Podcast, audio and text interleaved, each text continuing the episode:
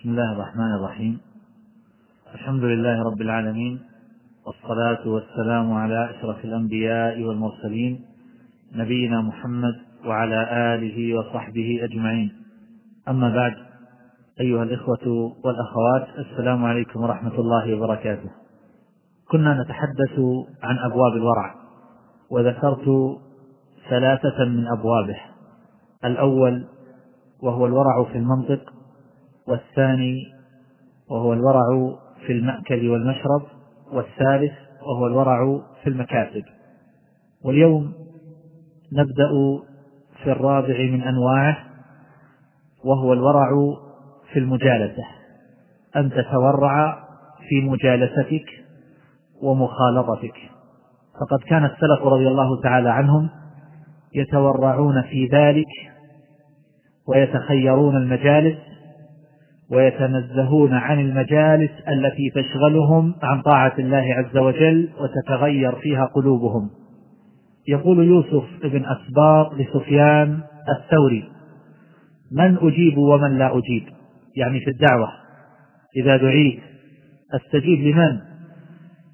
قال لا تدخل على رجل إذا دخلت عليه أفسد عليك قلبك أفسد عليك قلبك إما لوجود أمور محرمة كالشبه أو الأفعال المحرمة والأقوال المحرمة من باب الشهوات أو غير ذلك. فالمجالس التي يتحدث فيها بالغيبة والنميمة والقيل والقال ينبغي للإنسان أن يتورع منها.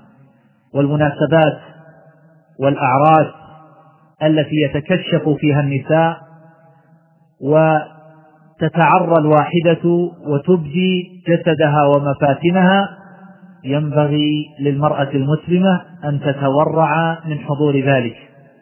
وهكذا إذا كانت تلك المجالس يحصل فيها فتنة للعبد بسبب ما يرى من الأبهة والبطر ومظاهر الترف الكثيرة التي لا يتمالك معها قلب العبد. فإذا عرف من نفسه أن ذلك يشغله فإن الورع في حقه أن يتجنب ذلك. ولهذا كان السلف رضي الله تعالى عنهم يكرهون الدخول على أهل البسطة. والواقع أن الناس يتفاوتون في هذا تفاوتا بينا لا سيما النساء.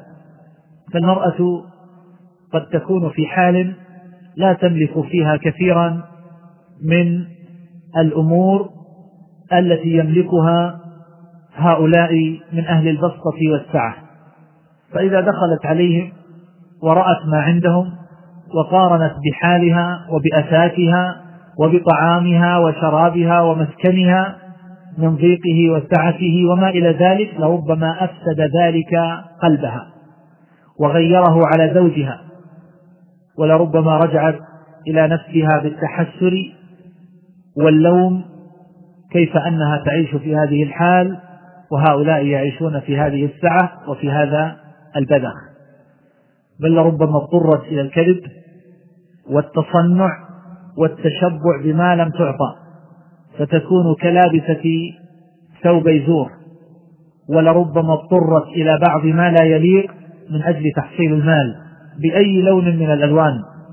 عن طريق الاحتيال عن طريق السرقة عن طريق أخذ الزكوات وهي لا تحل لها أو عن طريق إظهار الكوارث والمصائب التي وقعت لها أو وقعت لأهلها أو نحو ذلك من أجل أن تكسب أن تكسب المال.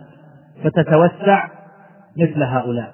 ولذلك يقال للإنسان الأحسن في حقه سواء كان رجلا أو امرأة أن يخالط من يقربونه إلى الله عز وجل ومن يذكرونه به ومن لا يتحرك قلبه ولا يتغير إذا زارهم وجلس معهم ودخل بيوتهم. فهذا أروح للقلب وخير للعبد وأبعد عن اشتغال القلب بما يرى ويشاهد. وأما الخامس من أبواب الورع فهو الورع في الفتيا والكلام في العلم والتفسير وما إلى ذلك من القول في الأحكام. وهو باب واسع وكلام السلف رضي الله تعالى عنهم فيه كثير وهو أمر ينبغي للعبد أن يتفطن له وأن يجعله نصب عينيه لأن القائل على الله عز وجل بلا علم متوعد بالعقوبة. والله عز وجل حرم الفواحش ما ظهر منها وما بطن والإثم والبغي بغير الحق كما حرم الإشراك وحرم القول عليه بغير علم ذكر ذلك في سياق واحد. قل إنما حرم ربي الفواحش ما ظهر منها وما بطن والإثم والبغي بغير الحق وأن تشركوا بالله ما لم ينزل به عليكم سلطانا وأن تقولوا على الله ما لا تعلمون. فالسلف رضي الله تعالى عنهم إذا نظرت إلى أحوالهم وأخبارهم رأيت عجبا من الاحتياط والورع في هذه الأبواب. ففي التفسير مثلا هذا أبو بكر الصديق رضي الله تعالى عنه كما ورد بإسناد حسن أنه سئل عن شيء من القرآن فقال أي سماء تظلني وأي أرض تقلني إن أنا قلت في كتاب الله ما لا أعلم. وقد سئل ابن عباس كما روى ابن أبي مليكة رحمه الله. سئل عن آية لو سئل عنها بعضكم لقال فيها. فأبى أن يقول وهذا ثابت عنه رضي الله تعالى عنه. وثبت أيضا أن رجلا سأله عن يوم كان مقداره ألف سنة. فقال له ابن عباس فما يوم كان مقداره خمسين ألف سنة؟ جاء بالآية التي في المعارج. وقد سأله الرجل عن الآية التي في السجدة. فقال له الرجل إنما سألتك لتحدثني. فقال ابن عباس هما يومان ذكرهما الله في كتابه الله أعلم بهما. كره أن يقول في كتاب الله ما لا يعلم وهو حبر الأمة. لم يستحي ولم ينحرج من سائله أن يقول على الله عز وجل ما لا يعلم. وجاء طلق بن حبيب إلى جندب بن عبد الله فسأله عن آية من القرآن. فقال أحرج عليك إن كنت مسلما لما قمت عني. وهذا سعيد ابن المسيب رحمه الله تعالى إمام كبير من أئمة التابعين. كان إذا سئل عن تفسير آية من القرآن قال إنا لا نقول في القرآن شيئا وكان لا يتكلم إلا في المعلوم من القرآن. وسأله رجل عن آية من القرآن فقال لا تسألني لا تسألني عن القرآن وسل من يزعم أنه لا يخفى عليه منه شيء يعني عكرمة. وكانوا إذا سألوه عن الحلال والحرام وجدوه أعلم الناس. وإذا سألوه عن آية في كتاب الله عز وجل سكت كأن لم يسمع. وقال عبيد الله ابن عمر رحمه الله لقد أدركت فقهاء المدينة وإنهم ليعظمون القول في التفسير. منهم سالم ابن عبد الله والقاسم ابن محمد وسعيد بن المسيب ونافع. ويقول هشام بن عروة ما سمعت أبي يعني عروة بن الزبير ما سمعت أبي يؤول آية من كتاب الله قط. وهذا عبيده السلماني سأله محمد بن سيرين عن آية من القرآن فقال ذهب الذين كانوا يعلمون فيما أنزل القرآن فاتق الله وعليك بالسداد. وكان مسلم ابن يسار يقول إذا حدثت عن الله حديثا فقف حتى تنظر ما قبله وما بعده. وذكر عنهم إبراهيم النخعي ذكر عن أصحاب ابن مسعود رحمهم الله تعالى أنهم كانوا يتوقون التفسير ويهابونه. وهذا الحافظ الكبير الشعبي الذي كان يقول أقل ما أحفظه الشعر. ولو شئتم لحدثتكم شهرا لا أعيد بيتا. كان يقول والله ما من آية إلا وقد سألت عنها ولكنها الرواية عن الله عز وجل. ولهذا قال مسروق ابن الأجدع اتقوا التفسير فإنما هو الرواية عن الله. وأما الأصمعي إمام اللغة فهو من أشد الناس ورعا في هذا الباب. كان لا يفسر شيئا من غريب القرآن من جهة اللغة وحكي عنه أنه سئل عن قوله تعالى شغفها حبا فسكت وقال هذا في القرآن ثم ذكر قولا لبعض العرب في جارية لقوم أرادوا بيعها أتبيعونها وهي لكم شغاف؟ لم يتكلم في معناها من جهة اللغة لأنها وردت في القرآن. فذكر هذه الجملة فقط واكتفى بها. وأبى أن يتكلم في أن سرى وأسرى بمعنى واحد لأن أسرى ذكرت في القرآن كما أنه أبى أن يتكلم في عصفة الريح وأعصفت أي أنهما بمعنى واحد لأنها في القرآن. وقال الذي سمعته في معنى الخليل يعني معنى الخلة أنه أصفى المودة وأصمها ولا أزيد فيه شيئا لأنه في القرآن. هذه نماذج من تورعهم في الكلام في التفسير. وأما ورعهم في الكلام في الفتيا والأحكام فقد نقل عنهم الكثير. فهذا حذيفة ابن اليمان رضي الله تعالى عنه يقول إنما يفتي الناس أحد ثلاثة. من يعلم ما نسخ من القرآن قالوا ومن يعلم ما نسخ من القرآن. قال عمر أو أمير لا يجد بدا أو أحمق متكلف. يقول ابن سيرين وهو الذي روى عن حذيفة هذا القول. قال ابن سيرين فلست بواحد من هذين وما أحب أن أكون الثالث وهذا ثابت عنه بإسناد صحيح. ويقول ابن عباس إن من أفتى الناس في كل ما يسألونه عنه لمجنون. قال مالك وبلغني عن ابن مسعود مثل ذلك. وقال شيخ من أهل المدينة يكنى بأبي إسحاق. كنت أرى الرجل في ذلك الزمان وإنه ليدخل يسأل عن الشيء فيدفعه الناس من مجلس إلى مجلس أي أن الناس يتدافعون الفتية فكل أحد يقول له اذهب إلى غيري سل عن هذا غيري سل عنه فلان ثم ينتقل إلى الآخر وهكذا. وقد قال عبد الرحمن ابن أبي ليلى أدركت عشرين ومئة من أصحاب رسول الله صلى الله عليه وسلم. فما كان منهم محدث إلا ود أن أخاه كفاه الحديث ولا مفتن إلا ود أن أخاه كفاه الفتيا. وهذا ثابت بإسناد صحيح. وسئل الشعبي رحمه الله كيف كنتم تصنعون إذا سئلتم؟ قال على الخبير وقعت. كان إذا سئل الرجل قال لصاحبه أفتهم فلا يزال حتى يرجع إلى الأول.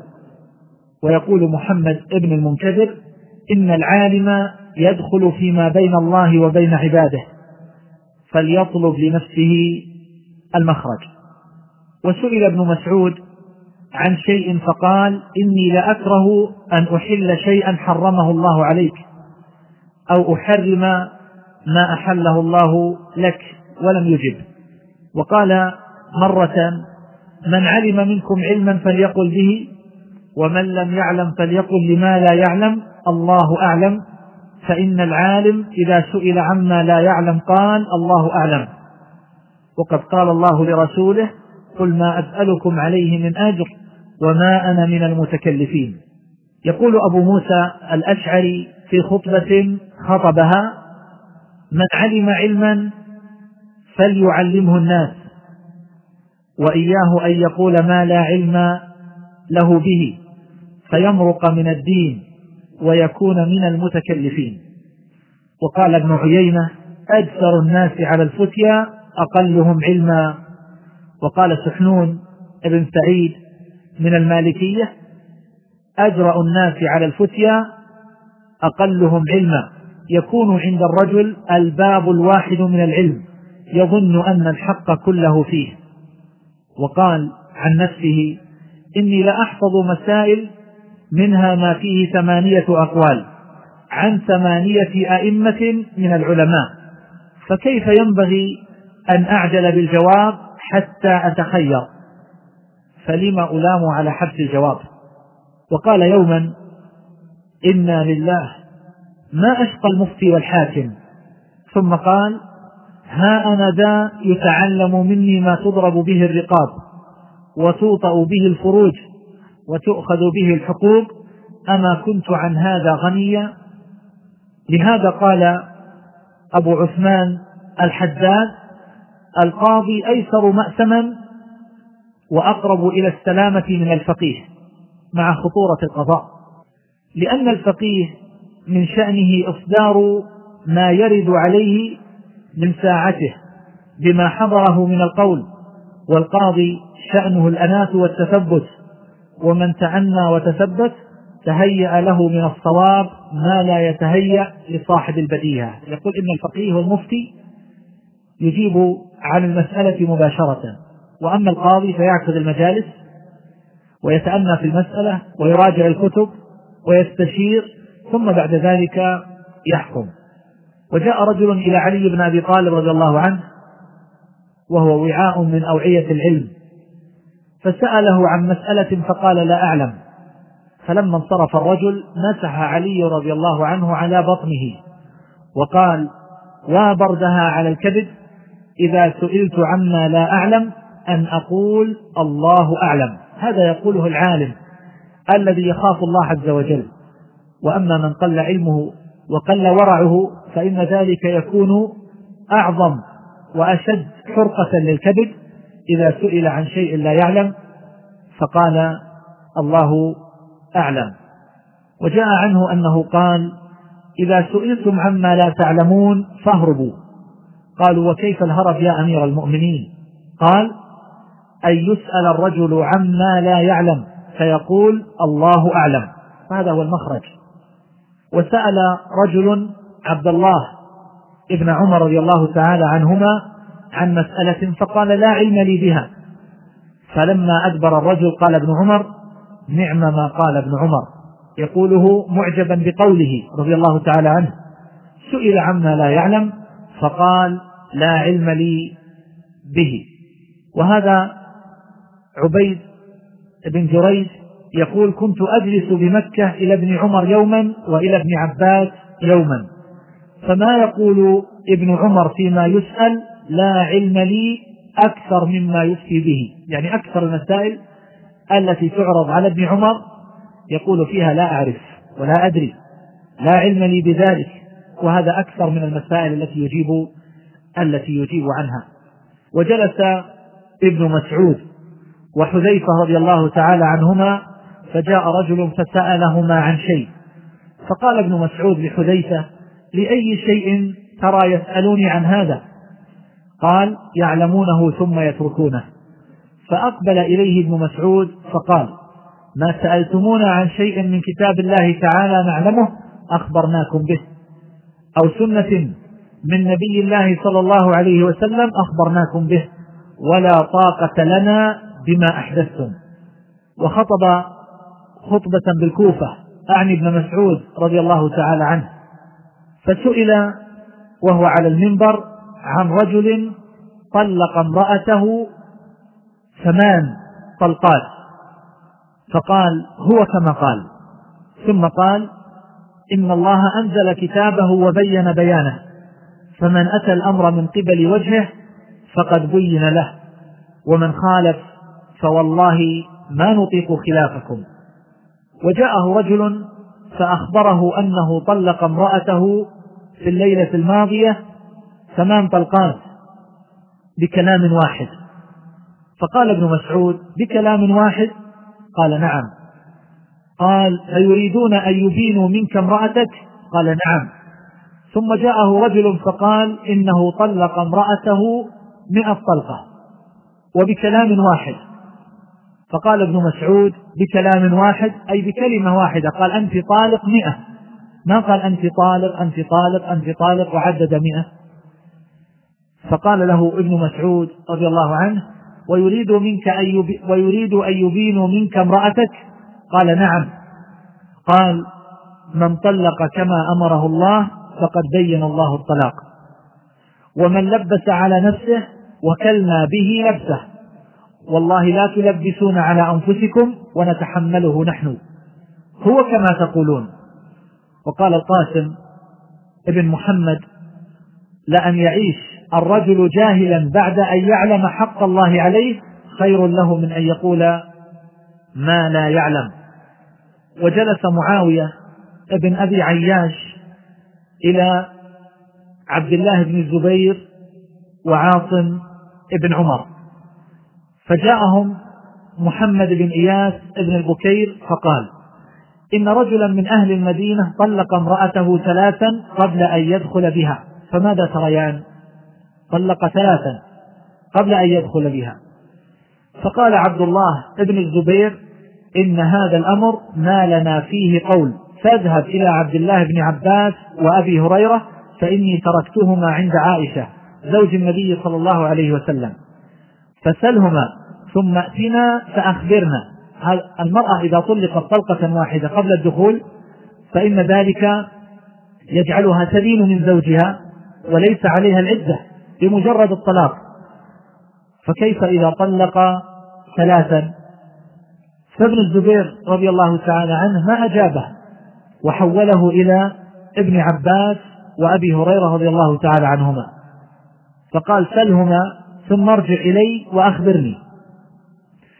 لم يترفع عن ذلك ويأنف من أن يحيل السائل إلى بعض أقرانه. فذهب الرجل فسأل فقال ابن عباس لأبي هريرة أفته يا أبا هريرة فقد جاءتك معضلة. لم يجب عليه ابن عباس وهو من هو في العلم. فقال أبو هريرة رضي الله تعالى عنه الواحدة تبينها والثلاث تحرمها. حتى تنكح زوجا غيره. وهذا ثابت بإسناد جيد. وجاء عن موسى ابن علي أنه سأل ابن شهاب الزهري عن شيء. فقال ابن شهاب ما سمعت فيه بشيء وما نزل بنا وما أنا بقائل فيه شيئا. امتنع عن الجواب. وجاء عن أبي المنهال سألت زيد بن أرقم والبراء بن عازب عن الصرف. فجعل كلما سألت أحدهما قال سل الآخر فإنه خير مني وأعلم مني. وهذا ثابت بإسناد صحيح. ويقول الأعمش ما سمعت إبراهيم يعني النخعي يقول برأيه في شيء قط. ويقول قتادة ما قلت برأيي منذ ثلاثين سنة. وقال بعضهم منذ أربعين سنة.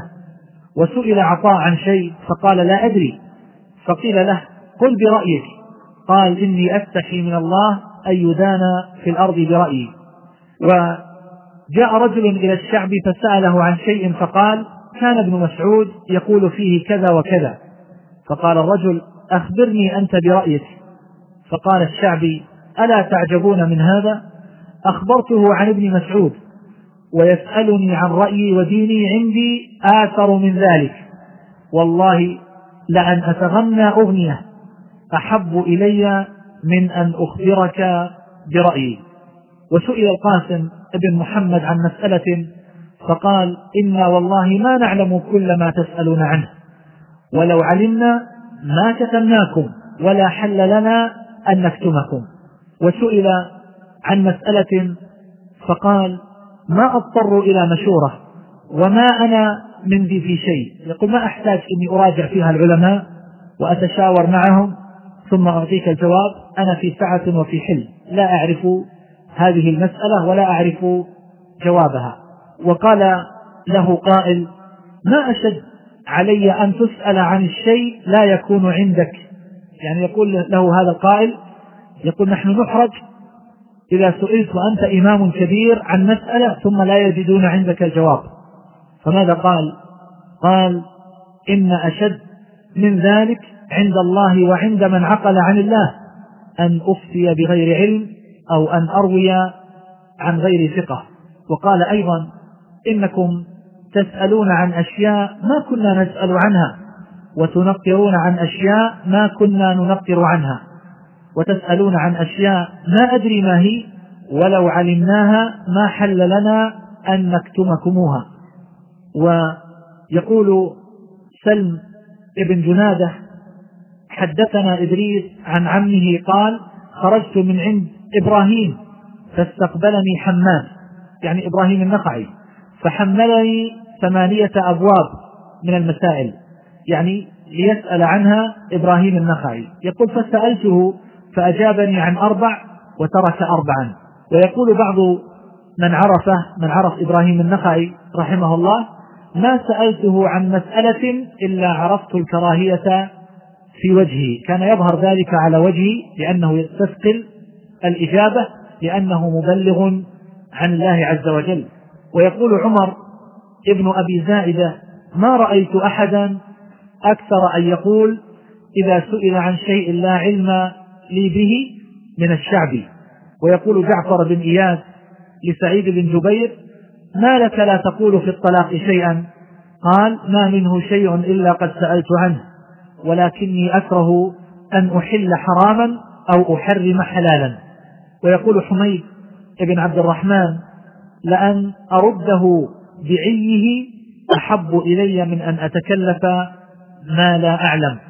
وهذا محمد ابن سيرين رحمه الله كان لا يفتي في الفروج شيئا كان لا يفتي فيها بشيء فيه اختلاف تورعا وتحرزا لأنه باب شديد من أبواب العلم فهو إما أن يحل شيئا حراما أو أن يحرم شيئا حلالا. وهذا الشعبي يقول لا أدري نصف العلم. وكان إذا سئل عن شيء يقول لا أدري. فإن رجع في ذلك فقال قال للسائل إن شئت حلفت لك بالله أني لا أدري. ويقول ابن سيرين ما أبالي سئلت عما أعلم أو ما لا أعلم. لأني إذا سئلت عما أعلم قلت ما أعلم. وإذا سئلت عما لا أعلم قلت لا أعلم. يقول إذا سئلت عما أعلم قلت ما أعلم. يعني أجيب بما أعلم. وإذا سئلت عما لا أعلم قلت لا أعلم. يقول الأعمش ما سمعت إبراهيم يعني النخعي يقول قط حلال ولا حرام. إنما كان يقول كانوا يكرهون وكانوا يستحبون. يتحرج؟ من إطلاق هذه اللفظة. ولذلك تجد في كثير من أجوبة الأئمة رحمهم الله تعالى. يقول أكره كذا لا يعجبني كذا مع أن المعروف من مذهبه التحريم في هذه المسألة. ولكنه كان يتحرج ويتحرج من ذلك. وهذا المروذي يسأل الإمام أحمد رحمه الله أسئلة كثيرة ويقول لا أحصي الأشياء والمسائل التي كان يقول فيها لا أدري. ونفس الإمام أحمد رحمه الله كان يقول ربما مكثت في المسألة ثلاث سنين قبل أن أعتقد فيها شيئا. وأما الإمام مالك رحمه الله فالأخبار عنه في هذا كثيرة مستفيضة وهو من أشد الناس تحرزا وتورعا في هذا الباب. كان يقول إني لأفكر في مسألة منذ بضع عشرة سنة فما اتفق لي فيها رأي إلى الآن. وكان يقول ربما وردت علي المسألة فأفكر فيها الليالي. لا يجيب من ساعته. وكان إذا سئل عن المسألة قال للسائل انصرف حتى أنظر فيها حتى يفكر ويراجع ويبحث فينصرف ويردد فيها النظر. فقيل له في ذلك يعني لماذا تصنع هذا؟ فبكى وقال إني أخاف أن يكون لي من المسائل يوم وأي يوم. وكان إذا جلس في مجلس العلم نكس رأسه وحرك شفتيه يذكر الله. ولم يلتفت يمينا ولا شمالا. فإذا سئل عن مسألة تغير لونه وكان أحمر فيصفر. وينكس رأسه ويحرك شفتيه ثم يقول ما شاء الله لا حول ولا قوة إلا بالله. فربما سئل عن خمسين فلا يجيب منها في واحدة. يسأل عن خمسين مسألة فلا يجيب عن واحدة. وهذا لو أن أحدا في هذه الأيام سئل عن خمسين مسألة فقالت الجميع لا أدري لقال الناس هذا لا فقه له ولا علم. وكان يقول من أحب أن يجيب عن مسألة فليعرض نفسه قبل أن يجيب على الجنة والنار. وكيف يكون خلاصه في الآخرة ثم يجيب. وقال بعضهم في صفة الإمام مالك رحمه الله لكأنما مالك والله إذا سئل عن مسألة واقف بين الجنة والنار. وكان يقول ما شيء أشد علي من أن أسأل عن مسألة من الحلال والحرام لأن هذا هو القطع في حكم الله. ولقد أدركت أهل العلم والفقه ببلدنا وإن أحدهم إذا سئل عن مسألة كأن الموت أشرف عليه كأن الموت هجم عليه. ورأيت أهل زماننا هذا يشتهون الكلام فيه والفتية. ولو وقفوا على ما يصيرون إليه غدا لقللوا من هذا.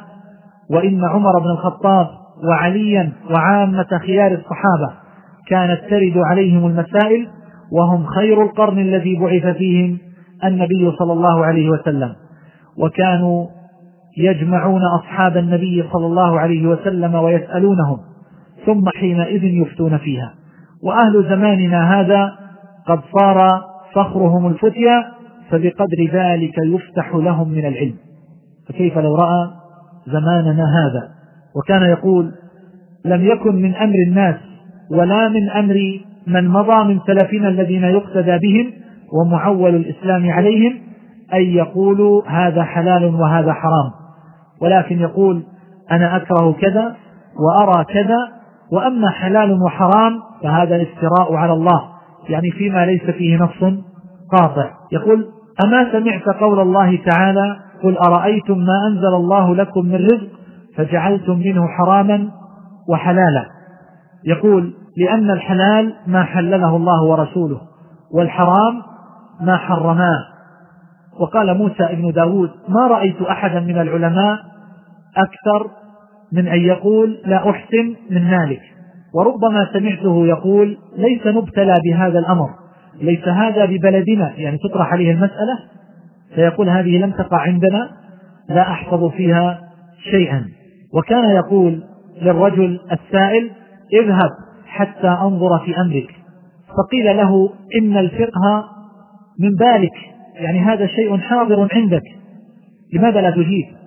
كانوا يقولون ما رفعه الله إلا بالتقوى. سأله رجل عن مسألة وذكر أنه أرسل فيها من مسيرة ستة أشهر من بلاد المغرب. فقال له مالك رحمه الله أخبر الذي أرسلك أنه لا علم لي بها. فقال ومن يعلمها؟ قال من علمه الله. وسأله رجل عن مسألة استودعه إياها أهل المغرب. فقال ما أدري ما ابتلينا بهذه المسألة ببلدنا. ولا سمعنا أحدا من أشياخنا تكلم فيها ولكن تعود. يقول ارجع إلي في وقت آخر. فلما كان من الغد جاء الرجل وقد حمل أحماله يريد الارتحال وجاء على بغله يقوده. فقال مسألتي يعني أفتني. فقال ما أدري ما هي. فقال الرجل يا أبا عبد الله تركت خلفي من يقول ليس على وجه الأرض أعلم منك. فقال مالك غير مستوحش يعني من غير مهابة. إذا رجعت فأخبرهم أني لا أحسن. إذا رجعت إليهم فارجع إليهم وقل مالك لا يعرف. وسأله آخر فلم يجبه. فقال له يا أبا عبد الله أجبني. فقال ويحك تريد أن تجعلني حجة بينك وبين الله؟ فأحتاج أنا أولا أن أنظر كيف خلاصي ثم أخلصك. وهذا هو الواجب على المفتي. قبل أن يجعل من نفسه حاجزا بين الناس وبين النار أن يبحث عن المخرج وأن يجيب بجواب يكون له فيه عذر ومخرج عند الله عز وجل. وسئل مرة عن ثمان وأربعين مسألة فقال في اثنتين وثلاثين منها لا أدري. يعني أنه أجاب أجاب عن عشر فقط وقال في الباقي لا أدري. و وسئل من العراق عن أربعين مسألة فما أجاب منها إلا في خمس. أجاب في خمس. وقال ابن عجلان إذا أخطأ العالم لا أدري أصيبت مقاتله. وقد جاء ذلك أيضا عن ابن عباس رضي الله تعالى عنهما. يقول مالك سمعت ابن هرمز يقول ينبغي أن يورث العالم جلساءه قول لا أدري. أي يعني أن يدربهم عمليا على قول لا أدري. وكان الإمام مالك يقول في أكثر المسائل لا أدري. قال عمر بن يزيد فقلت لمالك في ذلك. يعني لماذا تقول للناس لا أدري؟ فقال يرجع أهل الشام إلى شامهم وأهل العراق إلى عراقهم وأهل مصر إلى مصرهم ثم لعلي أرجع عما أفتيهم به. قال فأخبرت الليث بذلك يعني الليث بن سعد. فبكى وقال مالك والله أقوى من الليث. وسئل مالك رحمه الله مرة عن نيف وعشرين مسألة فما أجاب منها إلا في واحدة ما أجاب إلا بواحدة وربما سئل عن مئة مسألة فيجيب منها في خمس أو عشر ويقول في الباقي لا أدري. يقول أبو مصعب قال لنا المغيرة تعالوا نجتمع هؤلاء أصحاب الإمام مالك أرادوا أن يجتمعوا فيجمعوا المسائل التي يحتاجون إلى جواب الإمام مالك رحمه الله فيها. خافوا أن يموت ولم يعرفوا قوله فيها. فجلسوا على المسائل وجمعوا طائفة منها وكتبوها. فجاء المغيرة إلى الإمام مالك وسأله عنها. فأجابه عن بعضها وكتب في الكثير في أكثرها. لا أدري. فقال المغيرة يا قوم والله ما رفع الله هذا الرجل إلا بالتقوى. من كان منكم يسأل عن هذا فيرضى أن يقول لا أدري.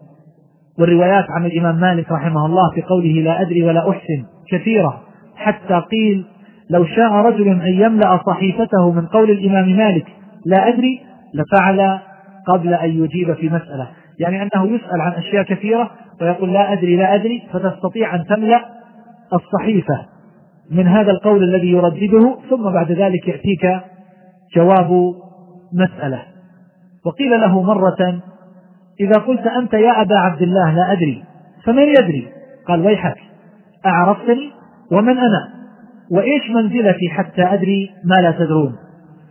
ثم أخذ يحتج بحديث ابن عمر وقال هذا ابن عمر يقول لا أدري فمن أنا؟ وإنما أهلك الناس العجب وطلب الرياسة وهذا يضمحل عن قليل. وقال مرة قد ابتلي عمر بن الخطاب بهذه الأشياء فلم يجب فيها وقال ابن الزبير لا أدري وابن عمر لا أدري. وسئل الإمام مالك رحمه الله عن مسألة فقال لا أدري. فقال السائل وكان من ذوي الوجاهة فقال إنها مسألة خفيفة سهلة وإنما أردت أن أعلم بها الأمير. فقط أريد أن أنقل قولك فيها وإلا فهي مسألة سهلة معروفة. فقال الإمام مالك مسألة خفيفة سهلة ليس في العلم شيء خفيف. أما سمعت قول الله تعالى إنا سنلقي عليك قولا ثقيلا فالعلم كله ثقيل.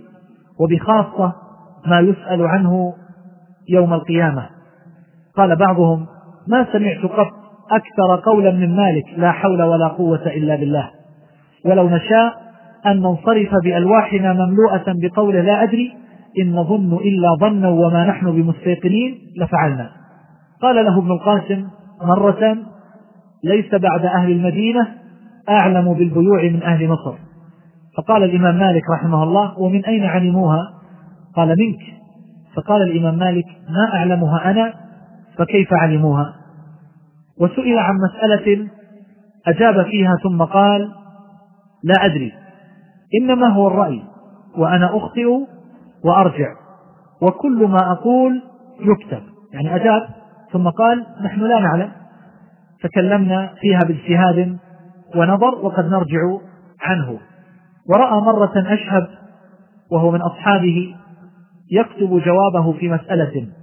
فقال لا تكتبها فإني لا أدري أثبت عليها أم لا. يقول ابن وهب سمعته يعيب كثرة الجواب من العالم حين يسأل. وقال مرة عندما أكثر عليه الناس المسائل. حسبكم. من أكثر أخطأ وكان يعيب كثرة ذلك. وقال يتكلم يعني في الجواب كأنه جمل مغتلم أي هائج. يقول هو كذا هو كذا يهدر في كل شيء. وسأله رجل عراقي عن رجل وطأ دجاجة ميتة فخرجت منها بيضة فأسقطت البيضة عنده عن فرخ هذه مسألة من المسائل الفرضية. هل يأكل هذا الفرخ؟ فقال الإمام مالك سل عما يكون ودع ما لا يكون. وسأله آخر عن مسألة تشبه هذه فلم يجبه. فقال الرجل أجبني. فقال لو سألت عما تنتفع به أجبتك. قال ابن القاسم كان مالك لا يكاد يجيب وكان أصحابه يحتالون. أن يجيء رجل بالمسألة التي يحبون أن يعلموها كأنها مسألة بلوى فيجيب. كانوا يهابونه ويتحرجون من سؤاله لكراهيته لذلك. وقال مرة لابن وهب اتق هذا الإكثار وهذا السماع الذي لا يستقيم أن يحدث به. فقال إنما أسمعه لأعرفه لا لأحدث به. فقال له ما يسمع إنسان شيئا إلا يحدث به؟ وعلى ذلك لقد سمعت من ابن شهاب أشياء ما تحدثت بها وأرجو ألا أفعل ما عشت وقد ندمت ألا أكون طرحت من الحديث أكثر مما طرحت. يقول ابن شهاب رأيت في النوم قائلا يقول لقد لزم مالك كلمة عند فتواه لو وردت على الجبال لقلعتها وذلك قوله ما شاء الله لا قوة إلا بالله. وأما تحرجهم عند التحديث عن رسول الله صلى الله عليه وسلم فقد جاءت عنهم أخبار كثيرة في ذلك. سئل الشعبي عن حديث فحدث به فقيل له إنه يرفع إلى النبي صلى الله عليه وسلم فقال لا على من دون النبي صلى الله عليه وسلم أحب إلينا. فإن كان فيه زيادة أو نقصان كان على من دون النبي صلى الله عليه وسلم. ويقول إبراهيم النخعي نهى رسول الله صلى الله عليه وسلم عن المحاقلة. والمزابنة. فقيل له أما تحفظ عن رسول الله صلى الله عليه وسلم حديثا غير هذا؟ قال بلى. ولكني أقول قال عبد الله يعني ابن مسعود. قال علقمة يعني النقعي أحب إلي. من باب الاحتراز والاحتياط. وكان أبو الدرداء رضي الله عنه إذا حدث بحديث عن رسول الله صلى الله عليه وسلم قال هذا ونحوه أو شبهه أو شكله يعني أنه لا يقطع باللفظ وإنما يتردد فيه ويحتاط في ذلك. وهذا عمرو بن ميمون يقول كنت لا تفوتني عشية خميس إلا آتي فيها عبد الله بن مسعود رضي الله عنه. فما سمعته يقول لشيء قط قال رسول الله صلى الله عليه وسلم حتى كانت ذات عشية. فقال قال رسول الله صلى الله عليه وسلم ثم غرورقت عيناه. وانتفخت أوداجه. يقول فأنا رأيته محلولة أزراره وقال أو مثله أو نحوه أو شبيه به.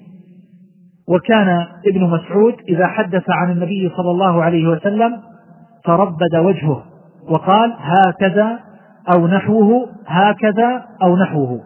يقول توبة العنبري قال لي الشعبي أرأيت فلانا الذي يقول قال رسول الله صلى الله عليه وسلم قال رسول الله صلى الله عليه وسلم. يعني أنه يكثر من المسائل. يقول قعدت مع ابن عمر سنتين أو سنة ونصفا فما سمعته يحدث عن رسول الله صلى الله عليه وسلم شيئا إلا هذا الحديث. وحدث بحديث واحد. وكان أنس قليل الحديث عن رسول الله صلى الله عليه وسلم. وكان إذا حدث عن النبي صلى الله عليه وسلم قال أو كما قال رسول الله صلى الله عليه وسلم.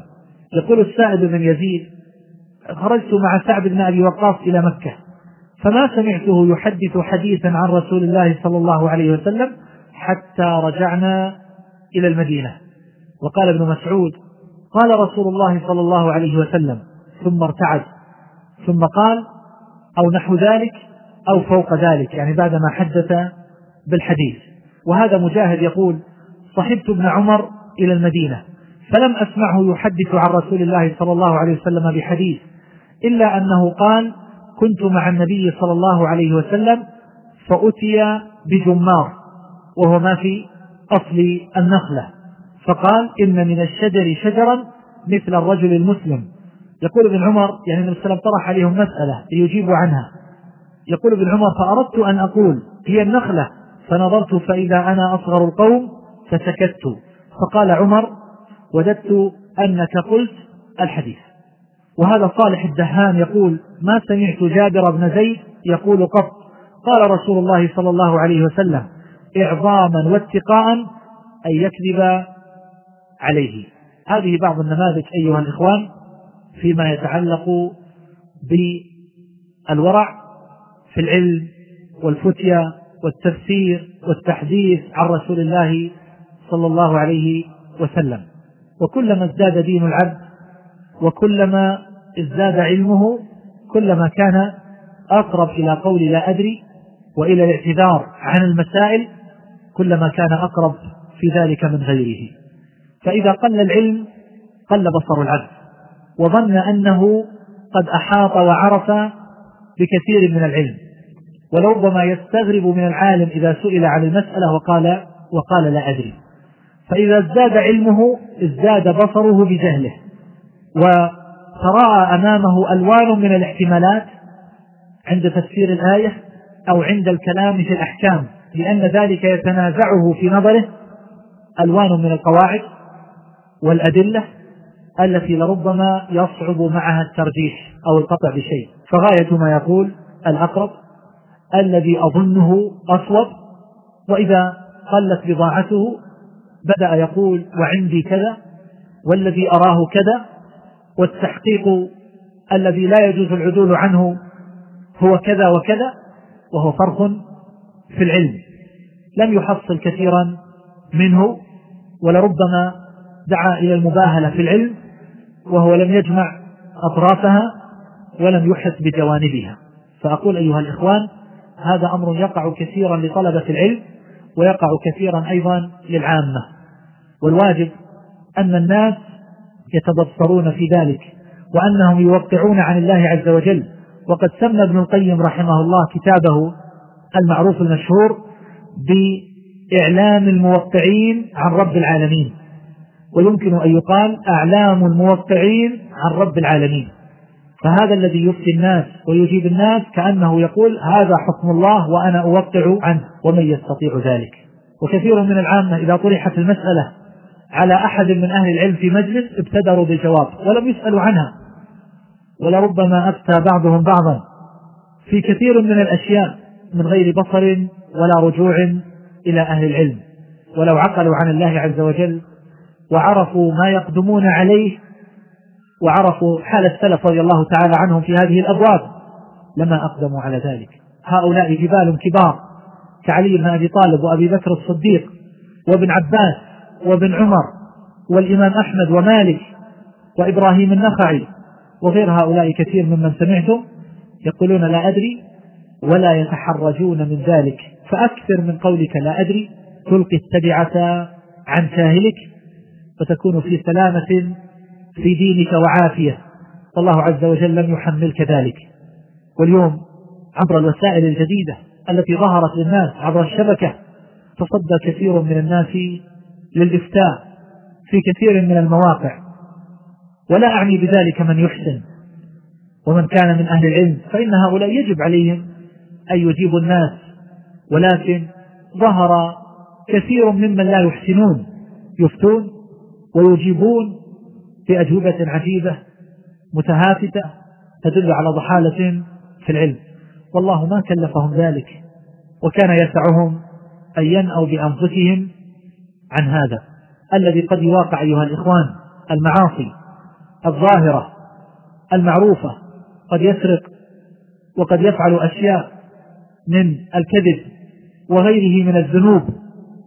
فهذا قد يكون أسهل بكثير من هذا الذي يتكلم بالأحكام ويفتي الناس ويقول هذا حلال وهذا حرام من غير علم. والله عز وجل قد قرن بين القول عليه بلا علم وبين الإشراك به فينبغي التحرز في هذا الباب والاحتياط وأن لا يوقع الإنسان نفسه في مضائق في مضائق هو في غنى عنها. وأما السادس من أبواب الورع فهو الورع في النظر. الورع في النظر. قد ذكرت فيما سبق أن من الأمور التي تفسد القلب الفضول من كل شيء ومن ذلك فضول النظر. فإذا أطلق الإنسان بصره وصار ينظر ها هنا وها هنا فيما يحل له وما يحرم عليه لا يخرج من ذلك بالسلامة. يخرج بتبعة وذنوب كما أنه يخرج بقلب ملوث متدنس لأن البصر بريد للقلب. الله عز وجل يقول ولا تقف ما ليس لك به علم إن السمع والبصر والفؤاد كل أولئك كان عنه مسؤولا. فالسمع والبصر ميزابان يصبان في القلب. فالمشاهد التي يراها الإنسان تؤثر في قلبه حتما لا محالة.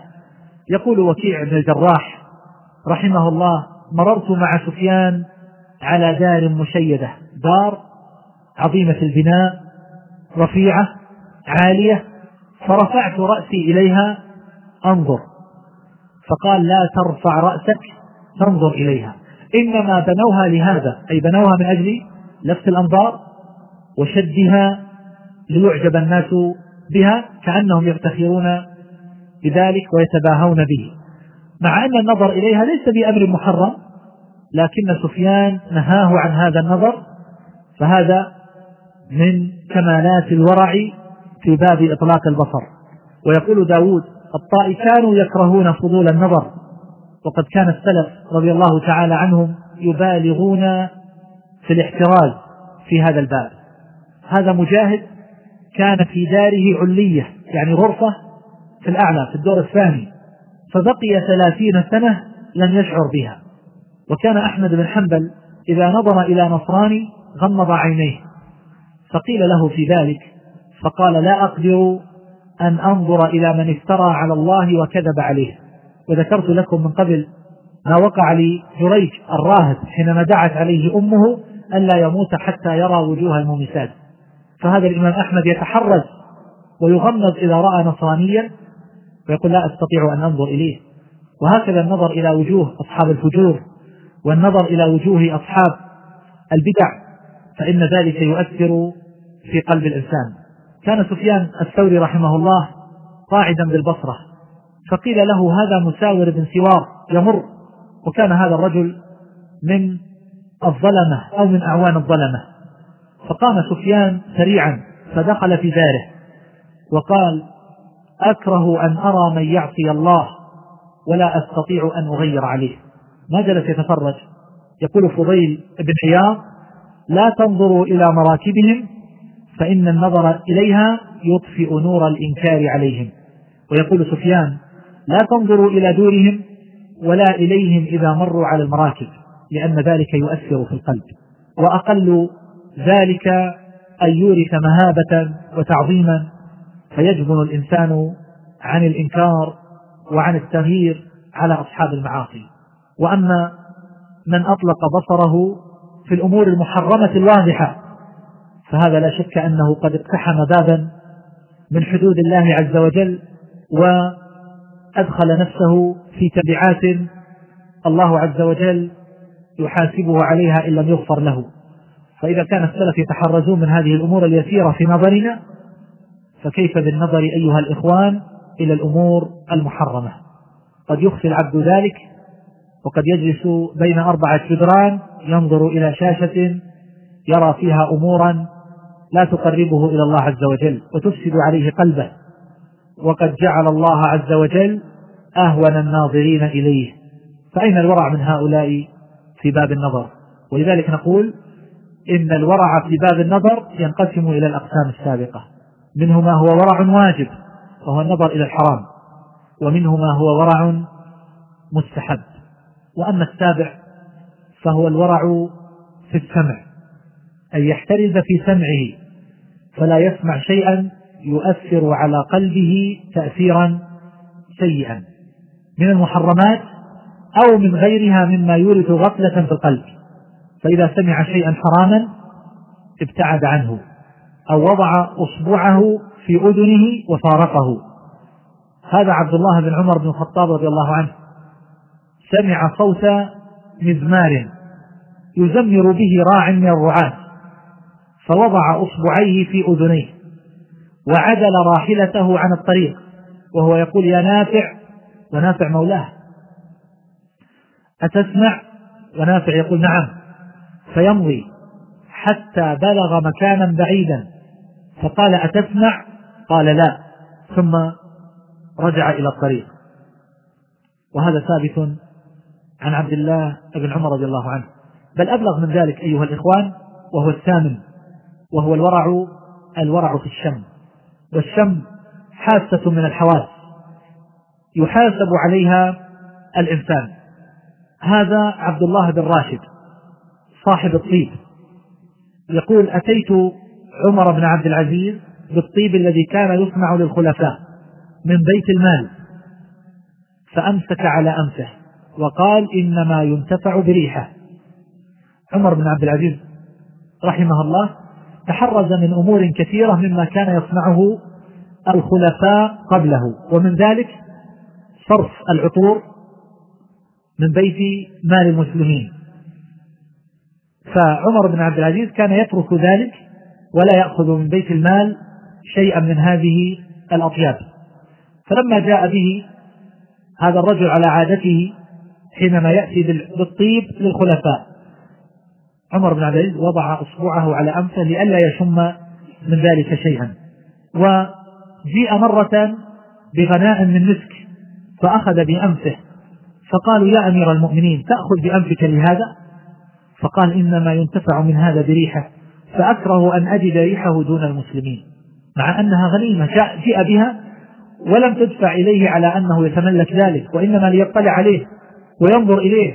والطيب فواح فلا بد أن يجد ريحه فكان يضع يده أو أصبعه على أنفه لئلا يجد ذلك الريح لئلا يختص به عن غيره من المسلمين. و وأخيرا أبواب الورع كثيرة جدا. وما ذكرته إنما هو نماذج. وأختم هذا الدرس بذكر نماذج أخرى متفرقة متنوعة. في ورع السلف رضي الله تعالى عنهم في شتى الأمور. هذا أبو الدرداء كان له جمل يقال له الدمون. كانوا يسمون الدواب بأسماء كما هو هدي النبي صلى الله عليه وسلم. فكان إذا استعاره منه رجل قال لا تحمل عليه إلا طاقته. فلما حضرته الوفاة حضرت أبا الدرداء قال لجمله يا دمون لا تخاصمني عند ربي فإني لم أكن أحمل عليك إلا ما كنت تطيق. هذا تعامل مع جمل مع حيوان وهو على استحضار لذلك عند الموت. فكيف بالذي يظلم الناس؟ وكيف بمن يسترعيه الله عز وجل؟ رعية من موظفين أو من طلاب أو غيرهم ثم بعد ذلك يظلمهم بناء على حظوظ نفس هذا الطالب استدرك عليه ملحوظة وهذه الطالبة استدركت على معلمتها قضية. استدركت على هذه المعلمة قضية وكأن هذه المعلمة قد حازت علوم الأولين والآخرين فحقدت عليها ووقع بسبب ذلك ظلم على هذه الطالبة أو هذا الطالب. كثير من الطلاب لربما وجدت أوراقهم من تحت المكتب يذكرون بعض الملحوظات على بعض أساتذتهم وأتعجب من هذا. وإذا عرفت أحيانا من كتب هذه الملحوظة أسأله لماذا لا تذهب إلى هذا الأستاذ؟ فتبين له خطأه صراحة. يقول أخاف أن يظلمني وأن يحقد علي وأن يقف لي في الاختبار. فهذا لا يخلو. إما أن يكون هذا الظن في محله فهو رأى بوادر هذا الظلم ورأى قلة الدين والورع وهذه مشكلة. وإما أن يكون هذا الإنسان قد أساء الظن لكثرة ما رأى من المظالم من الناس فقاس الجميع على ما شاهد. أقول هكذا أيها الإخوان حينما تكون مديرا في مدرسة أو حينما تكون مديرا لشركة أو غير ذلك الظلم ظلمات يوم القيامة. أبو الدرداء يتحرز من دابة أحل الله له الانتفاع بها وكان يعتذر إليه عند الموت يعتذر لجمل فكيف بمن ظلم إخوانه المسلمين؟ وأكل حقوقهم وأموالهم وتوسع فيها وعبث واشترى فيها ألوان المراكب وماطلهم في الوفاء والقضاء وأداء الحقوق. كيف يكون حال هذا الإنسان عند الله عز وجل؟ هذا أبو العباس الخطاب. جاء يعزي رجلا ماتت امرأته وفي البيت بساط فوقف على الباب وقال للمعزى قال أيها الرجل معك وارث غيرك؟ قال نعم. قال فما قعودك على ما لا تملك. يعني أن هذا البساط صار من حقوق الورثة تعلق بالورثة فكيف تجلس عليه؟ فتنحى الرجل عن البساط. إلى هذا الحد. نحن لا نقول للناس هذا الآن لكن أذكر هذه النماذج الدقيقة ليعرف الإنسان الجليل والطوام التي يقع فيها. أنا لا أطالب الناس الآن إذا ذهبوا إلى أحد في العزاء أنهم يقولون لا تجلس على الكنب لأنه من حقوق الورثة. واجلس على الأرض. لا نقول لهم هذا لكن هذا يصلح لمن كمل ورعهم لا يصلح لأمثالنا من المثاليث وإنما أقصد بذلك أن أنبه به على غيره فقط. وهذا رجل قد جلب خشبا كانوا يسقفون بالأخشاب البيوت. فطلبه الأمير زياد الأمير المعروف الظالم زياد بن أبيه فأبى أن يبيعه فأخذه غصبا. وبنى به صفة مسجد البصرة. فكان أبو بكرة الثقفي رضي الله تعالى عنه لا يصلي فيه في هذا المسجد حتى قلعت هذه الأخشاب منه. طبعا يمكن أن يقول قائل الإثم على من غصبه والصلاة فيه صحيحة. وهذا سقف ولا يصلي لا يصلي عليه وإنما يصلي تحته. فكان هذا يتحرز ويتورع من الصلاة فيه ويذهب إلى مسجد يذهب إلى مسجد آخر. يقول ابن القيم وهذا من العجائب والدقائق واللطائف في هذا الباب. كان أهل الورع من أهل العلم. واسمعوا هذا جيدا.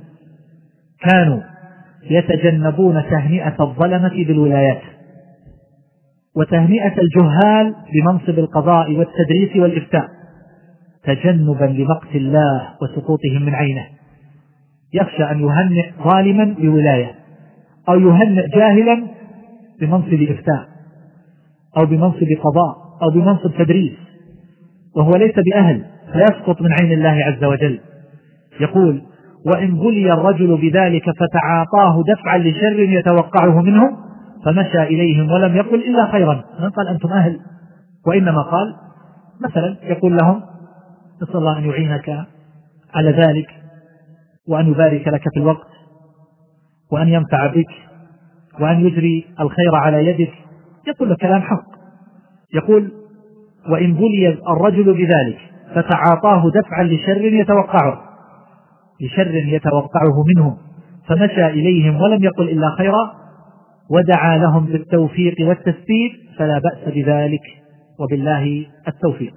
ومن النماذج أيضا ما جاء عن عبادة بن الصامت رضي الله عنه. وهذا يصور دقة هذه الأبواب. وتساهل الناس وتفريطهم في ذلك منذ زمن بعيد. يقول عبادة بن الصامت رضي الله عنه للتابعين إنكم لتعملون أعمالا هي أدق في أعينكم من الشعر إن كنا لنعدها على عهد رسول الله صلى الله عليه وسلم من الموبقات. فكيف لو رأى كثيرا من أعمالنا اليوم؟ قيل لأبي قتادة فكيف لو أدرك زماننا هذا؟ في زمن من؟ في زمن أبي قتادة. قال كان لذلك أقول. يعني يقوله من باب أولى. وقد ذكر ذلك لابن سيرين. فقال صدق. وأرى جر الإزار منها الإسبال. يقول هذه من الأمور التي يتساهل فيها الناس. وقد لا تجد من ينكر ذلك وهي في أعينهم أدق من الشعر وكانوا يرونها في زمن رسول الله صلى الله عليه وسلم من الموبقات. وقد جاء نحوه عن أنس وأبي سعيد رضي الله تعالى عنهم. وما الغرابة في ذلك؟ والله عز وجل يقول فمن يعمل مثقال ذرة خيرا يره ومن يعمل مثقال ذرة شرا يره.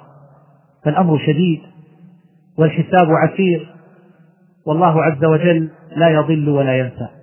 ووضع الكتاب فترى المجرمين مشفقين مما فيه ويقولون يا ويلتنا ما لهذا الكتاب؟ لا يغادر صغيرة ولا كبيرة إلا أحصاها. ووجدوا ما عملوا حاضرا ولا يظلم ربك أحدا. أحصاه الله ونسوه. لم ينس شيء من ذلك على تطاول الأزمان وعلى كثرة الأعمال والذنوب والمعاصي وعلى كثرة الخلائق جيلا بعد جيل.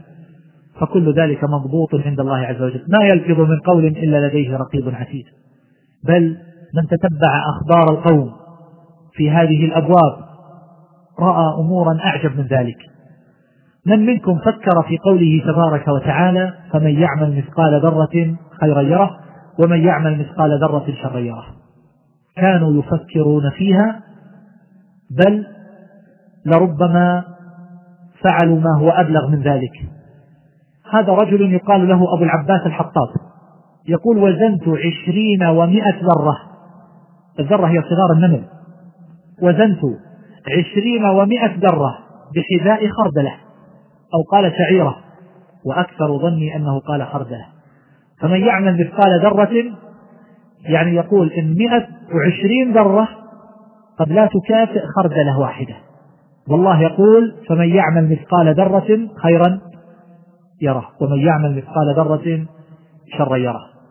وهذا رجل آخر كما قال معاوية بن قرة رحمه الله أخذ خمسا وعشرين ذرة فوضعها في كفة الميزان.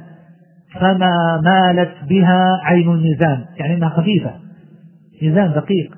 تضع فيه 25 ذرة ما يتحرك كأنه لم يوضع فيه شيء. والله يقول فمن يعمل مثقال ذرة خيرا يره ومن يعمل مثقال ذرة شرا يره. هل فكرنا في هذا؟ هل فكرنا فيه يوم من الأيام؟ يقول معاوية بن قرة بعث إلي رجل بطعام فأكلت منه ما أكلت وفضلت منه فضله. فأصبحت وقد اسود من الذر فوزنته بذره ثم نقيته من الذر فوزنته فلم يزد ولم ينقص. يعني هذا الذر الذي غطاه يقول لم يغير في وزنه شيئا. مع كثرة هذا الذر فكيف بالذرة الواحدة؟ أما يحق لنا أيها الإخوان أن نطرح مثل هذا الموضوع موضوع الورع؟ إذا كنا نحن لا نزن الجذع ولا نبالي به. فكيف نلقى الله جل جلاله؟ هذا عمر بن الخطاب رضي الله عنه فرض للمهاجرين الأولين أربعة آلاف وفرض لابن عمر ثلاثة آلاف وخمسمائة. هذا ولد الخليفة الآن أقل من البقية. ثلاث آلاف وخمسمائة نقص خمسمائة. يا ترى ما هو السر؟ في هالخمسمائة وما هو المغزى والحكمة من خصمها على ابن عمر؟ فقيل له هذا من المهاجرين. يعني عبد الله بن عمر وهو من علماء الصحابة. هو من المهاجرين. فلماذا نقصته عنهم؟ فقال إنما هاجر به أبواه. ما هاجر لوحده؟ هاجر مع أبويه. أخرجه البخاري. فنقص خمسمائة لأنه ما جاء مهاجرا وحده كغيره من الناس. فخمسمائة من أجل صحبة الأبوين في راتبه. وقسم مروطا بين نساء من نساء المدينة يعني عمر بن الخطاب رضي الله عنه. فبقي مرط جيد. فقيل له يا أمير المؤمنين أعطي هذا ابنة رسول الله صلى الله عليه وسلم التي عندك. كان تزوج ابنة علي أم كلثوم. فقال عمر أم سليط أحق فإنها كانت تزفر لنا القرب يوم أحد. أخرجه البخاري. يقول أم سليط أحق من زوجتي. لأنها كانت تملأ لنا القرب ونحن مع رسول الله صلى الله عليه وسلم في يوم أحد. يقول العلاء بن زياد لو كنت متمنيا لتمنيت فقه الحسن وورع بن سيرين وصواب مطرف وصلاة مسلم بن يسار. وبن سيرين سمعتم ورعه يسأل عن مسائل ويمتنع من الجواب. وكان بكر ابن عبد الله يقول من سره أن ينظر إلى أعلم رجل أدركناه في زمانه فلينظر إلى الحسن. فما أدركنا أعلم منه. ومن سره أن ينظر إلى أورع رجل أدركناه في زمانه فلينظر إلى ابن سيرين. إنه ليدع بعض الحلال تأثما ويقول المورق ما رأيت رجلا أفقه في ورعه ولا أورع في فقهه من محمد. جمع بين الورع وبين الفقه في الورع. ويقول يوسف بن أسباط مر طاووس بنهر قد كري أجر. فأرادت باغلته أن تشرب من هذا النهر فأبى أن يدعها احتياطا وتورعا. وهذا طاووس ابن كيسان كان يفعل أشياء من هذا القبيل. ذكر عنه الإمام أحمد رحمه الله أن ابنه افتعل كتابا على لسانه كتب رسالة ووقع باسم أبيه إلى عمر بن عبد العزيز. وطاووس عالم من, من العلماء الكبار في زمان التابعين. فعمر بن عبد العزيز أعطاه ثلاثمائة دينار فعلم بذلك طاووس. أن ابنه احتال بهذه الحيلة فباع طاووس ضيعة له وبعث بالثمن إلى عمر ولم يدخل على ابنه حتى مات. ويقول محمد بن عبد الله رأيت قد بنوا درجة لمسجد شعيب في الطريق فقال لا وضعت رجلي عليها حتى تهدم. يعني أن درجة المسجد صارت زائدة في الشارع فلم يضع رجله عليها حتى هدمت. وقد أشرت إلى هذا المعنى فيما سبق في الدرس الماضي.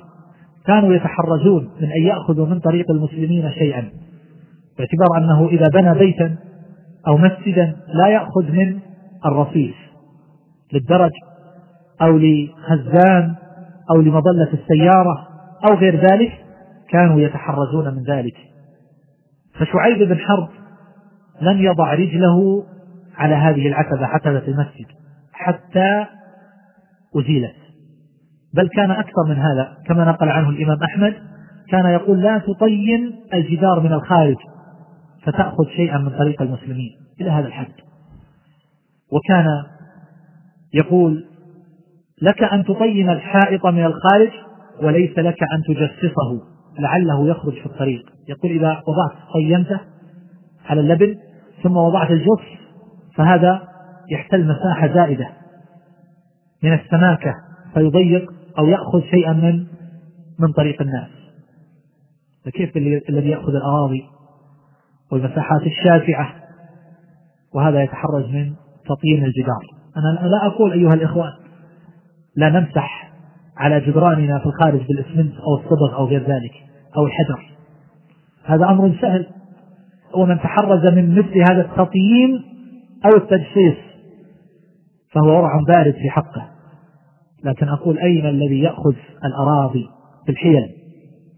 أو بغير حيل يأخذها جهارا نهارا فيرفع الناس أبصارهم لهذه النهبة. لما جيء بسعيد بن جبير وطلق بن حبيب وأصحابهما لما كان زمن الحجاج. خرج عليه جماعة من الفقهاء والعلماء ومن تابعهم ولكنهم كسروا وهزموا فتفرقوا واختفوا. فصار الحجاج يبحث عنهم في كل مكان. فاختفى بعضهم في مكة واختفى بعضهم في البصرة وتفرقوا. منهم سعيد بن جبير والحسن البصري وسعيد بن جبير وطلق بن حبيب وجماعة. فعثر على سعيد بن جبير وطلق بن حبيب في مكة. فجاء بهم رجل من الشرط خسارة مقبوض عليهم في مكة. وأين يقدمون؟ للقتل. الحجاج يقتل الواحد منهم وكأنه يشرب الماء الزلال. وبالفعل قتل سعيد بن جبير. فيقول الأعمش فدخلت عليهم في الحبس. فقلت لهم هذا رجل جاء بكم من مكة يعني الشرطي. جاء بكم من مكة للقتل. فلماذا لم تقوموا بتكتيفه وإلقائه في البرية؟ وتنطلقون. فماذا كان الجواب؟ كان الجواب أن قال سعيد ابن جبير فمن كان يسقيه الماء إذا عطش؟ إذا ربطناه ورميناه في البر ورحنا وتركناه. من يسقيه الماء إذا عطش. وهذا محمد بن سيرين الذي كان من أورع الناس. دخل السجن بسبب دين لحقه. طالب به صاحب المال. فحبس في هذا الدين. فكان أنس بن مالك رضي الله عنه قد أوصى أن يغسله محمد بن سيرين. فلما مات أنس كان ابن سيرين في الحبس. فجاءوا إليه وقالوا هذه وصية أنس. وقد مات. فاخرج إليه فغسله. وقد استأذن الأمير فأذن بخروجك لتغسله. فقال إن الأمير لم يحبسني إنما حبسني الذي له الحق. الذي له الحق صاحب المال. وأبى وأبى أن يخرج. شرب يحيى بن يحيى شربة. شرب شيئا لبنا أو, أو غير ذلك. فقالت له امرأته لو كنت فترددت في الدار. يعني لماذا لا تمشي حتى تهضم؟ الطعام أو الشراب الذي شربته مثلنا الآن. وهو أمر مباح. ولربما افتخر الواحد منا أنه يمشي في اليوم خمسة كيلومترات أو لمدة ساعتين وقد يكون لا يمشي إلى المسجد لحضور صلاة الجماعة. فالمقصود أنه شرب شربة فقالت امرأته قم فتردد في الدار. تذهب وتجي لتهضم هذا الشراب. فقال ما أدري ما هذه المشية. أنا أحاسب نفسي منذ أربعين سنة. يقول هذه بأي اعتبار؟ بأي نية أخطو هذه الخطوات؟ طبعا لو قاله أحد اليوم فقلنا له هذا ورع بارد لكن المقصود هو فقط لفت النظر إلى أمور أخرى. الذي يمشي إلى الحرام الذي يمشي إلى الأماكن المختلطة الذي يمشي إلى أماكن اللهو والعبث والغفلة. ينبغي عليه أن يفكر ويحتاط لنفسه كيف يحاسبون أنفسهم على هذه الأمور اليسيرة. يقول سفيان بن عيينة لو أن رجلا لعب بغلام بين أصبعين من أصابع رجله يريد بذلك الشهوة لكان لواطا يعني لو كان يمازح غلام برجله يمازحه يمس جلد هذا الغلام برجله بأصبعين من أصابع رجله. يقول لكان ذلك إذا كان بشهوة لكان ذلك لواطا وكان ابن المبارك لا يصلي بمرو في المسجد الجامع إلا الجمعة ولا يرى أن يتطوع فيه. فقيل للإمام أحمد لماذا؟ قال لأن أبا مسلم اغتصب منه شيئا يعني قد بنى جزءا من هذا المسجد بأرض غصب فكان يتورع من ذلك وهذا رجل من العلماء يقال له تاج الدين المراتشي نصب في التدريس في مدرسة يقال لها المسرورية فلما نظر في شرط الواقف وهو أن يكون المتولي للتعليم في هذه المدرسة الوقفية أن يكون عالما بالخلاف. فقال أنا الآن لست من العلماء بالخلاف خلاف العلماء. وكانوا يرون أن الرجل لا يفتي حتى يكون عالما بالخلاف وأنه لا يتأهل في العلم إلا إذا عرف مواقع الخلاف ومواقع الإجماع. فكان يقول لست كذلك فترك التدريس فيها لأنه ليس بأهل. فهل فكر الإنسان بهذا حينما يسابق وينافس على مسجد مرموق أو غير مرموق. من أجل بيت في المسجد أو من أجل راتب أو من أجل وجاهة أن هذا المسجد في موقع في البلد وهو لا يحسن وليس بأهل وهو رويبضة. ويموت هذا المسجد إذا تولاه ولربما فعل كل مستطاع من أجل أن يحصل هذا المسجد. يأتي بالشفاعات يأتي بالوسطاء ويأتي بكل ما يستطيع من جهد من أجل أن يتولى إمامة هذا المسجد. وهكذا تولي التدريس في مدرسة من المدارس. يدرس القرآن وهو لا يحسن أن يقرأ. كل هذا من أجل هذا الراتب. ولن تموت نفس حتى تستوفي رزقها وأجلها. فلو اتقى الله عز وجل جاءه رزقه في أي عمل كان فيكون كسبه في هذه الحال أيها الإخوة والأخوات غير سالم له. المفروض أن يتورع يقول أنا لست بأهل أن أدرس هذه العلوم أو أدرس هذا الفن من الفنون. ولا يجوز لي أن أتقاضى عنه مالا لأني لا أحسنه. والواقع أنه يتعلم الحلاقة كما يقال على رؤوس الأيتام والمساكين. يتعلم على هؤلاء ويحدثهم بالعجائب والغرائب ويفسر لهم الكلام معكوسا مقلوبا. وهذه مصيبة. هؤلاء سيتخرجون جهلة وضعفاء بل إن جهلهم سيكون مركبا لأنهم يفهمون الأمور على غير وجهها. فأين نحن من هؤلاء؟ وهذا ابن عساكر وهذا من أعجب الأشياء في الورع. كان عنده رحمه الله بعض الشيء في أمور الصفات والاعتقاد.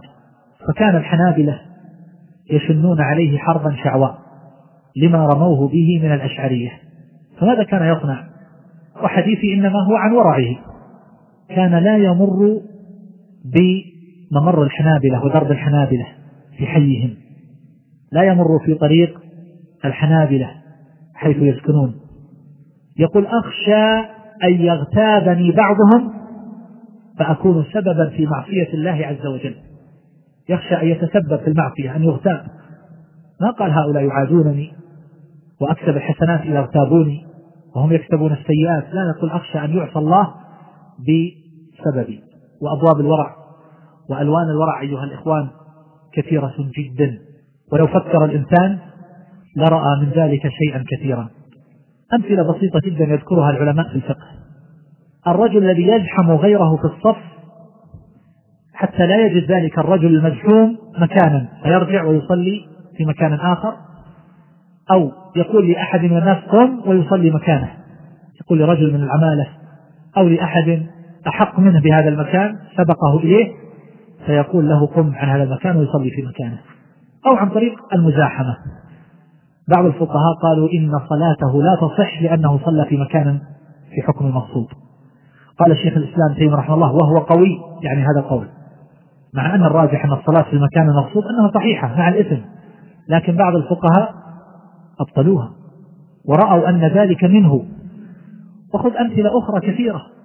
الآن الناس حينما يصطفون طوابير ليتوضأوا في سطح المسجد الحرام من المغاسل كما تشاهدون. لا سيما في العشر الأواخر. يقف عشرة أكثر. ويأتي بعض الشباب أو بعض الناس يتلصصون فيأتون من الخلف. ويختلسون الماء خلسة ويقطعون عليهم وضوءهم والناس لا تطيب نفوسهم بذلك ولا يرضون. فمثل هذا الماء الذي أخذه وتوضأ به فيه شائبة الغصب وهو قصد العبادة. فالمفترض أنه يتحرج ويتورع من هذا الفعل ومن الأمثلة على هذا التي تقع كثيرا. تحجر المصاحف. يأتي لمصحف وقف في المسجد يضع هذا المصحف في كيس ثم يربط عليه رباطا. لأي حق؟ هذا المصحف وقف للجميع لماذا حجرته؟ وهكذا أن يتخذ مكانا في المسجد يصلي فيه. ولا يسمح لأحد أن يصلي بهذا ولو سبق بأي حق. يتحجر هذا المكان ويحبسه. وهكذا من فرش سجادة في مكان ثم يذهب إلى بيته ويجلس عند أهله أو يخرج إلى سوقه أو نحو ذلك. وهذا يقع كثيرا في المسجد الحرام.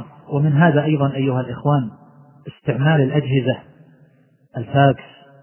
وآلة التصوير وغير ذلك مما يوجد في محل عمل الإنسان في مكتبه الذي لا يخصه ولا يملك الأشياء التي فيه يستعملها لأغراضه الشخصية يصور أوراقه الخاصة ويرسل فاكسات خاصة وإذا كان في الهاتف صفر يستعمله في المكالمات الخاصة به فهذا فعل محرم والورع فيه في محله تماما. أما الأشياء الأخرى اليسيرة فهذه يتفاوت فيها الناس كما قلت فيما سبق. إذا كان الرجل يتورع من كتابة بالقلم كتابة يسيرة أو في ورقة من المكتب أو في استعمال الهاتف في مكالمات داخلية فأقول هذا يختلف من شخص إلى آخر. فمن كمل ورعه فيناسبه هذا الورع والاحتياط. ومن كان واقعا في المحرمات الواضحة فيقال له هذا ورع بارد. وهكذا في الأمور التي يشك الإنسان في وجوبها أو في تحريمها فالأحوط له أن يترك هذا الشيء الذي يقال إنه حرام. إذا لم يتيقن وكذلك أيضا ما شك في وجوبه. فبعض العلماء يقول إنه واجب فيفعله احتياطا. وإن كان هذا لا يتجه في كل الأبواب فأحيانا لا يستطيع أن يفعل هذا إلا أن يكون مؤاخذا عند الآخر والعكس. مثلا الفاتحة. من العلماء من يقول إنها ركن حتى إن كان خلف الإمام. وبعضهم يقول إذا قرأ الإمام في الجهرية لا يجوز له أن يقرأ لأن الله يقول وإذا قرئ القرآن فاستمعوا له وأنصتوا. فهو مخالف لهذا. فماذا يقال في حق هذا؟ إن قلنا له الأحوط أن تقرأ فإنه عند الآخر مؤاخذ. وإن قلنا الأحوط أن لا تقرأ فهو عند الآخر مؤاخذ فهنا يلجأ إلى ما يترجح.